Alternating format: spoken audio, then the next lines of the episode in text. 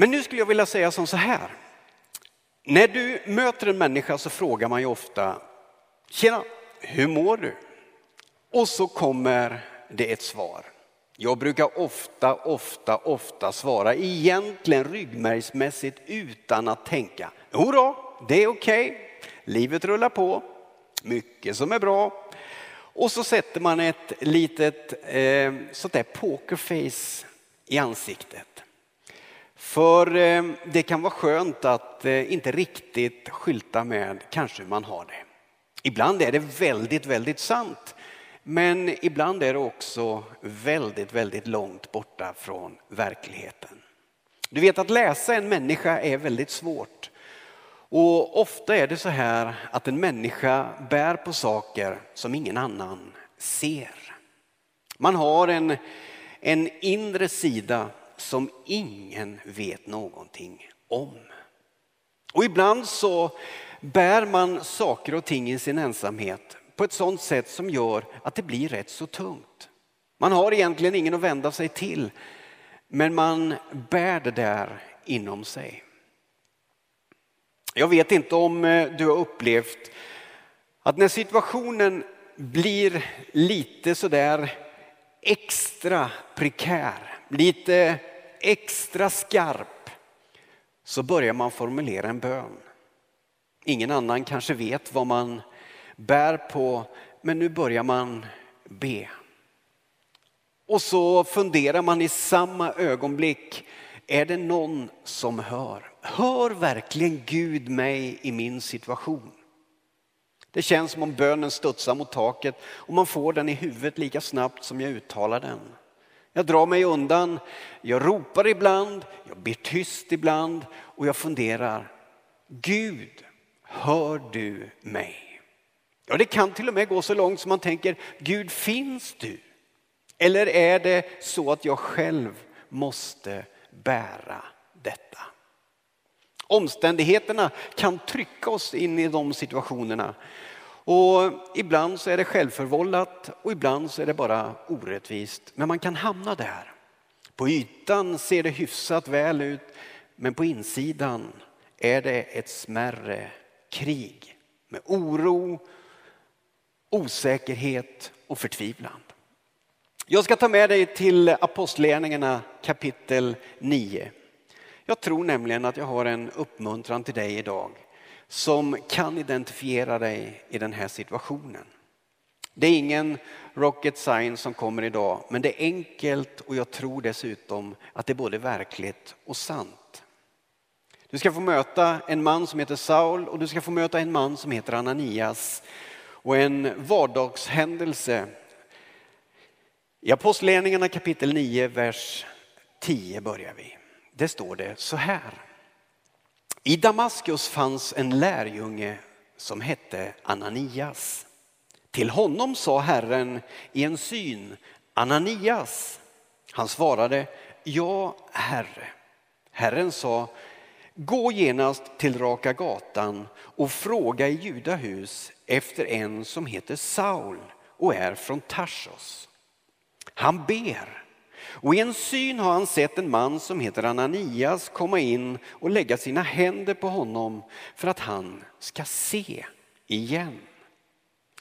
Herre, svarade Ananias, jag har hört från många håll om den här mannen och allt ont han har gjort med de heliga i Jerusalem.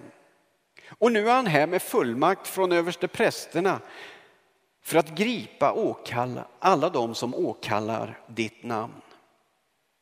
Men Herren, han sa till honom, gå, honom har jag utvalt till mitt redskap. Han ska föra ut mitt namn till hedningarna, till kungar och Israels folk och jag ska låta honom veta hur mycket han måste lida för mitt namns skull. Ananias, han gav sig iväg och gick till Judahus. Han la sina händer på Saul och så sa han Saul min broder. Herren själv, Jesus, som visade sig för dig på vägen hit. Han har sänt mig för att du ska få din syn tillbaka och fyllas med helig ande. Då var det som om fjäll föll från Sauls ögon och han kunde se igen. Och han lät sig döpas till slut. Ska vi be en bön innan jag fortsätter? Herre, jag ber att de här minuterna som jag nu har framför mig skulle få bli minuter då jag får tala på ett sådant sätt så att det blir till uppmuntran och vägledning för den som lyssnar. Tack att du hör, du ser och du vill hjälpa. I Jesu namn. Amen. Ja, vem kunde veta, vem kunde ana att denne store man med så mycket makt och kunskap och uppbackning skulle hamna i en sån här situation. Han som hade ett rykte om att vara handlingskraftig, han som hade en tydlighet om att han var minsann ingen Jesu efterföljare, hamnar hastigt och lustigt i en situation där hela livet slås isär. Helt plötsligt så vet han inte vad han ska tro, han vet inte vad han ska tänka och han ligger på knä med förblindade ögon och han ber. Inte många visste om det här. Omvärlden hade en annan bild, men han ligger i ett hus och han ber och ropar till Gud. Han ber om en förändrad situation. Han ber om förlåtelse. Han ber om förståelse, både för sin egen del och från Guds sida. Kanske försöker han förklara varför han har hamnat där han har hamnat. Eller också bara ropar han om någonting att hålla i. I sin situation så formas en bön i hans hjärta och han kanske funderar, Gud vart är du? Vad händer? Vad gör du? Svara på min bön. Vi vet av undersökningar att människor brukar be med jämna mellanrum. Även om man utåt sett säger att jag inte är den typen, jag är inte lagd åt det hållet, så vet man att med jämna mellanrum av både glädje och sorg så brukar människor be. En del formulerar en bön ut i tomma intet till någonting som man inte riktigt vet vad det är. En högre makt, en annan kraft eller en Gud som man inte riktigt känner men man ber.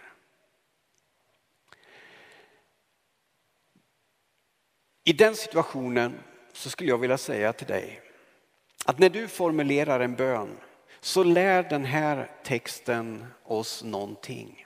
Den Gud som har skapat himmel och jord, den Gud som har skapat dig och mig, han ser och hör allting. Innan du ens har formulerat en bön så vet han vad som döljer sig i ditt hjärta. Även om du tycker att bönen stannar vid taket så finns det en Gud som ser dig och som ligger steget före. Vet du att det finns troligtvis människor som ber för dig just nu? Människor som du inte har en aning om. Människor som du kanske inte ens känner men som har manats av Gud själv att be för just dig. Gud ligger nämligen alltid steget före. Och som man sjöng i sången innan, Gud söker kontakt.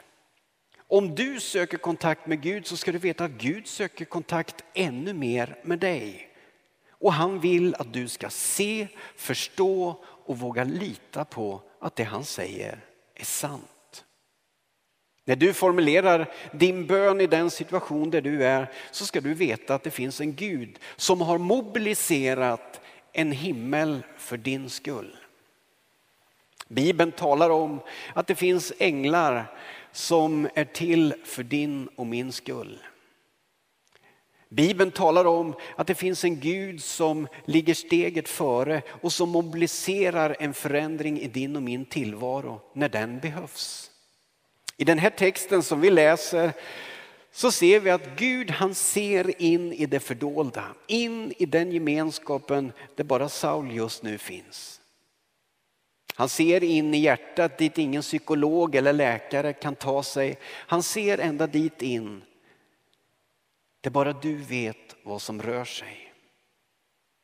Och han planerar någonting för dig. I fallet med Ananias och Saul så var det så att Gud hade talat till Saul. I en dröm så hade han fått se en man som han inte kände som kom in och lägger händerna på honom. Och han funderar säkert, hur i hela världen ska det gå till? Med mitt rykte och allt, vem ska våga sig hit för att förändra min situation? Men utan att han vet det så har Gud börjat planera en förändring för hans tillvaro. Han har talat till Ananias, en annan man som i sin tur ber, troligtvis varje dag, om att få vara ett redskap i Guds hand. Och nu talar Gud till Ananias och så säger han att Saul, han ber. Han ber om hjälp och kraft och du ska gå till honom och lägga händerna på. När du och jag ber, när du och jag funderar på om Gud ser och hör så ska vi veta att Gud både ser och hör. Han är inte passiv, han är steget före och han förbereder en förändring för dig och mig. Du kanske sitter i din lägenhet eller i ditt hem. Du kanske sitter på ditt kontor eller lyssnar när du är ute och går på det jag nu säger. Du ska veta att den bön som du ber, den är hörd. Och det finns en Gud som vill skapa förändring i ditt liv. Han mobiliserar de krafter han har och de resurser som finns i medmänniskor runt omkring. Och han förbereder en tid för dig som innebär framtid. Han skickar Ananias till att börja med lite motvilligt från Ananias sida. Han vet ju ryktet om Saul. Han vet ju vad den där yttre sidan av mannen Saul säger. Han andas hat, han andas kraft och han andas skrämsel. Men Gud har sett någonting annat. Det som ingen annan människa vet om, det har Gud sett. Och Gud har en plan för Saul, därför skickar han Ananias. Och när Ananias knackar på dörren så är det någonstans ett förberett möte, för Gud har planerat det från början. Ananias vet via en syn att det ska komma en man. Saul vet att det här kommer i sådana fall att förändra mitt liv. Nu möts de här två människorna, allt riggat av Gud själv. Ananias kommer in och hälsar med värme på den man som förut har varit fylld av hat. Som nu ligger hjälplös bedjande förblindad. Han hälsar med kärlek och värme och han förklarar att han är sänd av Gud själv för att lägga händerna på för att den Jesus som Saul har förnekat ska få visa sin storhet. I detta märkliga möte så lägger Ananias händerna på Saul och i ett ögonblick så sker ett mirakel. Där du just nu är och ropar till Gud så skulle jag vilja säga att i ett enda momentum så kan himlen öppnas över just dig och du kan fyllas med helig ande. När du är villig att lägga ner dina bekymmer, dina funderingar, dina böner inför Guds fötter och säga Herre, här är jag. Du ska veta att när du gör det så finns det en himmel som är mobiliserad för din skull. En Gud som har planerat en förändring och som vill fylla dig med kraft. Som vill förlåta om det behövs. Som vill förändra din historia och framtid. När Ananias gör det som Gud har sagt så sker ett mirakel. Det är ett samspel mellan flera parter där regissören är Gud själv. Saul, mannen med behovet. Ananias, mannen med tro som vill tjäna och som med ett lydigt hjärta agerar på Guds tilltal. Och när de där två sakerna möts så sker ett mirakel som bara Gud kan ta credit för. Ande fyller Saul och han bestämmer i den stunden att den Gud som jag förut hade missbedömt. Den Jesus som jag trodde inte existerade, honom ska jag bli en lärjunge till. Jag ska lägga ner mitt liv inför hans fötter och jag ska bli en efterföljare till Kristus. Nu mer med ett förändrat hjärta. Nu mer med ett mjukt kärleksfullt hjärta och med en helt ny insikt. Med en förståelse av att Gud ser in i det lilla, i det osynliga. Med en förmåga att förändra. Den där stunden kommer att förändra hela Saulus inriktning. Han får namnet Paulus och han blir den stora aposteln i den bibliska historien.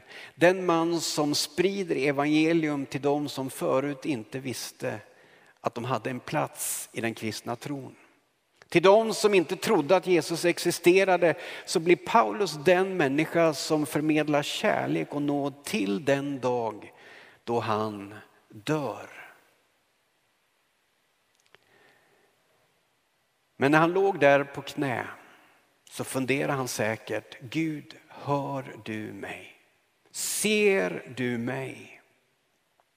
Du ska veta att när du ber din bön så finns det en Gud som ser, planerar, hör och agerar. Det är ju också så att Gud kanske vill använda dig för någon annan. Kanske är du en Ananias Kanske är du den som har fått en annan människas namn på ditt hjärta. Du kanske inte ens känner personen, men du känner dig manad att be och agera. För många år sedan nu så hade jag en rätt så kämpig period i livet. Många saker gungade och man funderade och man kämpade. Mycket egen kraft. Av en händelse så kom jag hem till min hemstad Karlskoga och möter min mamma. Och så berättar hon en märklig händelse. Hon berättar att hon har mött en kvinna som på något sätt hade förstått att min mamma hade en son som hette Mats Sernholm. Och då berättar den här kvinnan en märklig historia om hur att hon hade blivit manad av Gud att börja be för en man som heter Mats Sernholm. Hon kände inte mig, hon vet inte vart jag fanns i livet. Hon bara funderade. Eller bestämde sig rättare sagt för att göra det Gud sa. Be för mig. Hon hade bett under flera månader. Jag minns inte exakt idag hur lång tid det hade varit. Men när hon berättade det här för mamma så blev ju min mamma nyfiken och orolig. Och så tänker hon, vad har han varit ute för? Så hon frågar ju mig, du, hur mår du egentligen? Och så berättar hon den här historien. Och så kunde jag berätta i min tur att under den här perioden som den här kvinnan hade bett så hade jag haft en riktigt, riktigt tuff resa. Du vet, Guds omsorg den är fantastisk. Gud han ser och hör allt. Han ser och älskar alla människor. Och när du söker honom så ska du veta att Gud söker kontakt med dig. När du söker kontakt med honom. Och även om du inte söker kontakt med honom så kommer han fortsätta söka kontakt med dig. Och han har planerat en förändring i ditt liv. Jag är evigt tacksam för Guds omsorg om mig. Jag är ständigt i beroende av förbön. Och det är en otroligt spännande tanke. Att du och jag kan få vara en del i detta samspel mellan himmel och jord. Där vi kan få bära andra människor i bön. Där vi kan få vara med och bana väg för att de ska få uppleva andens liv. Och där Gud leder allt sammans. Den här förmiddagen skulle jag bara vilja stryka under till dig som ber. Du vet väl att Gud hör dig? Och till dig som önskar att få vara använd av Gud skulle jag vilja säga, det är högst troligt och högst möjligt att Gud kommer tala till dig. För att du ska få vara med och skapa förändring för en annan människa. Ananias, han var modig. Han gick till Saul trots omständigheterna och han gjorde det Gud hade sagt. Och när han gjorde det så föll anden till förändring för en människa. Som i sin tur fick vara med och förändra historien på den jord som vi lever i. Gud är en verksam Gud. En Gud som ser och älskar och som söker kontakt. Våga lyssna, våga gå och fortsätt att be. Amen. Tack Jesus för att vi den här förmiddagen får påminna varandra om att det är den här verkligheten vi lever i. En verklighet där Gud rår överallt. En verklighet där Gud ser in i varje situation.